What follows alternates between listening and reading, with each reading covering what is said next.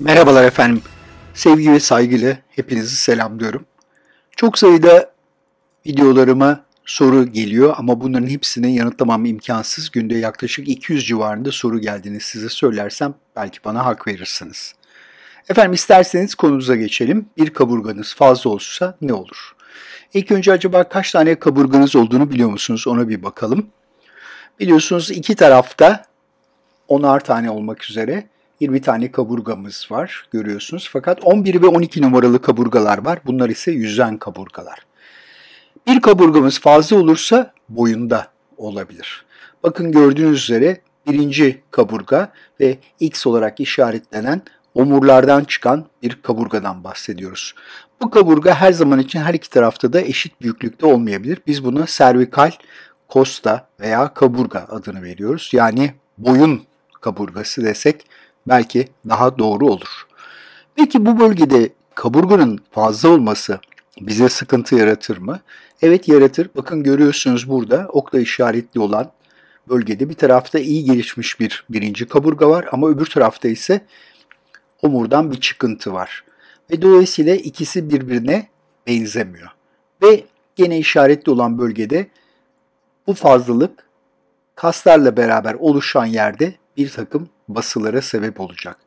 Bunlar basit akciğer filmlerinde gördüğünüz üzere okla işaretli olan bölgelerde fazla kaburgayı görebiliyorsunuz. Burada esas sorun şu, bu bölgede fazlalık kaslarla fazla kemik arasında sinir, toplar damar ve atar damarın sıkışmasıyla ortaya çıkıyor. Çünkü buradan özellikle kola giden atardamar, toplardamar ve sinirler var. Ve bu sinirlere bir bası söz konusu olduğu zaman özellikle bakın işaretli olan bölgede kolun bir bölgesinde genellikle uyuşma, yanma ve ağrı ortaya çıkıyor. Tabii bunun çıkışıyla beraber özellikle boyun omurlarındaki sorunlarla da karışma şansı oldukça fazla.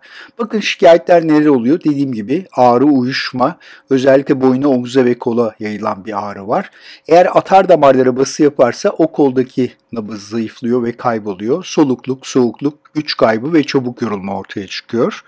Toplar damar sıkışırsa ise kolda ve ellerde genellikle şişlik ve mor renk, mavi renkte değişiklikler meydana geliyor. Dolayısıyla bu biraz diğerlerinden farklı bir şikayet olarak değerlendirilebilir. Normalde hastayı muayene ettiğiniz zaman boynunu çevirerek veya kolunu kaldırarak atar damar nabzının kaybolup kaybolmadığına bakılabilir. Böyle bir testlerimiz var. Bu testlerle de teşhisi koyabiliyoruz ama genelde sadece düz bir akciğer filmi bile yeterli. Tedavide genellikle fizik tedavi eğer işe yaramazsa cerrahi uygulanıyor. Özellikle burada dikkatinizi çekmek istediğim bir şey var. Ofiste bilgisayarda oturarak çalışanlarda postür duruş bozuklukları oluyor ve bunlar da buna benzer şikayetler yapabiliyor. Yaşınız ne olursa olsun sırt kaslarınızı mutlaka güçlendiriniz. Yapabileceğiniz en iyi şey bu efendim. Sabrınız için teşekkür ediyorum. Görüşmek üzere. Hoşçakalın.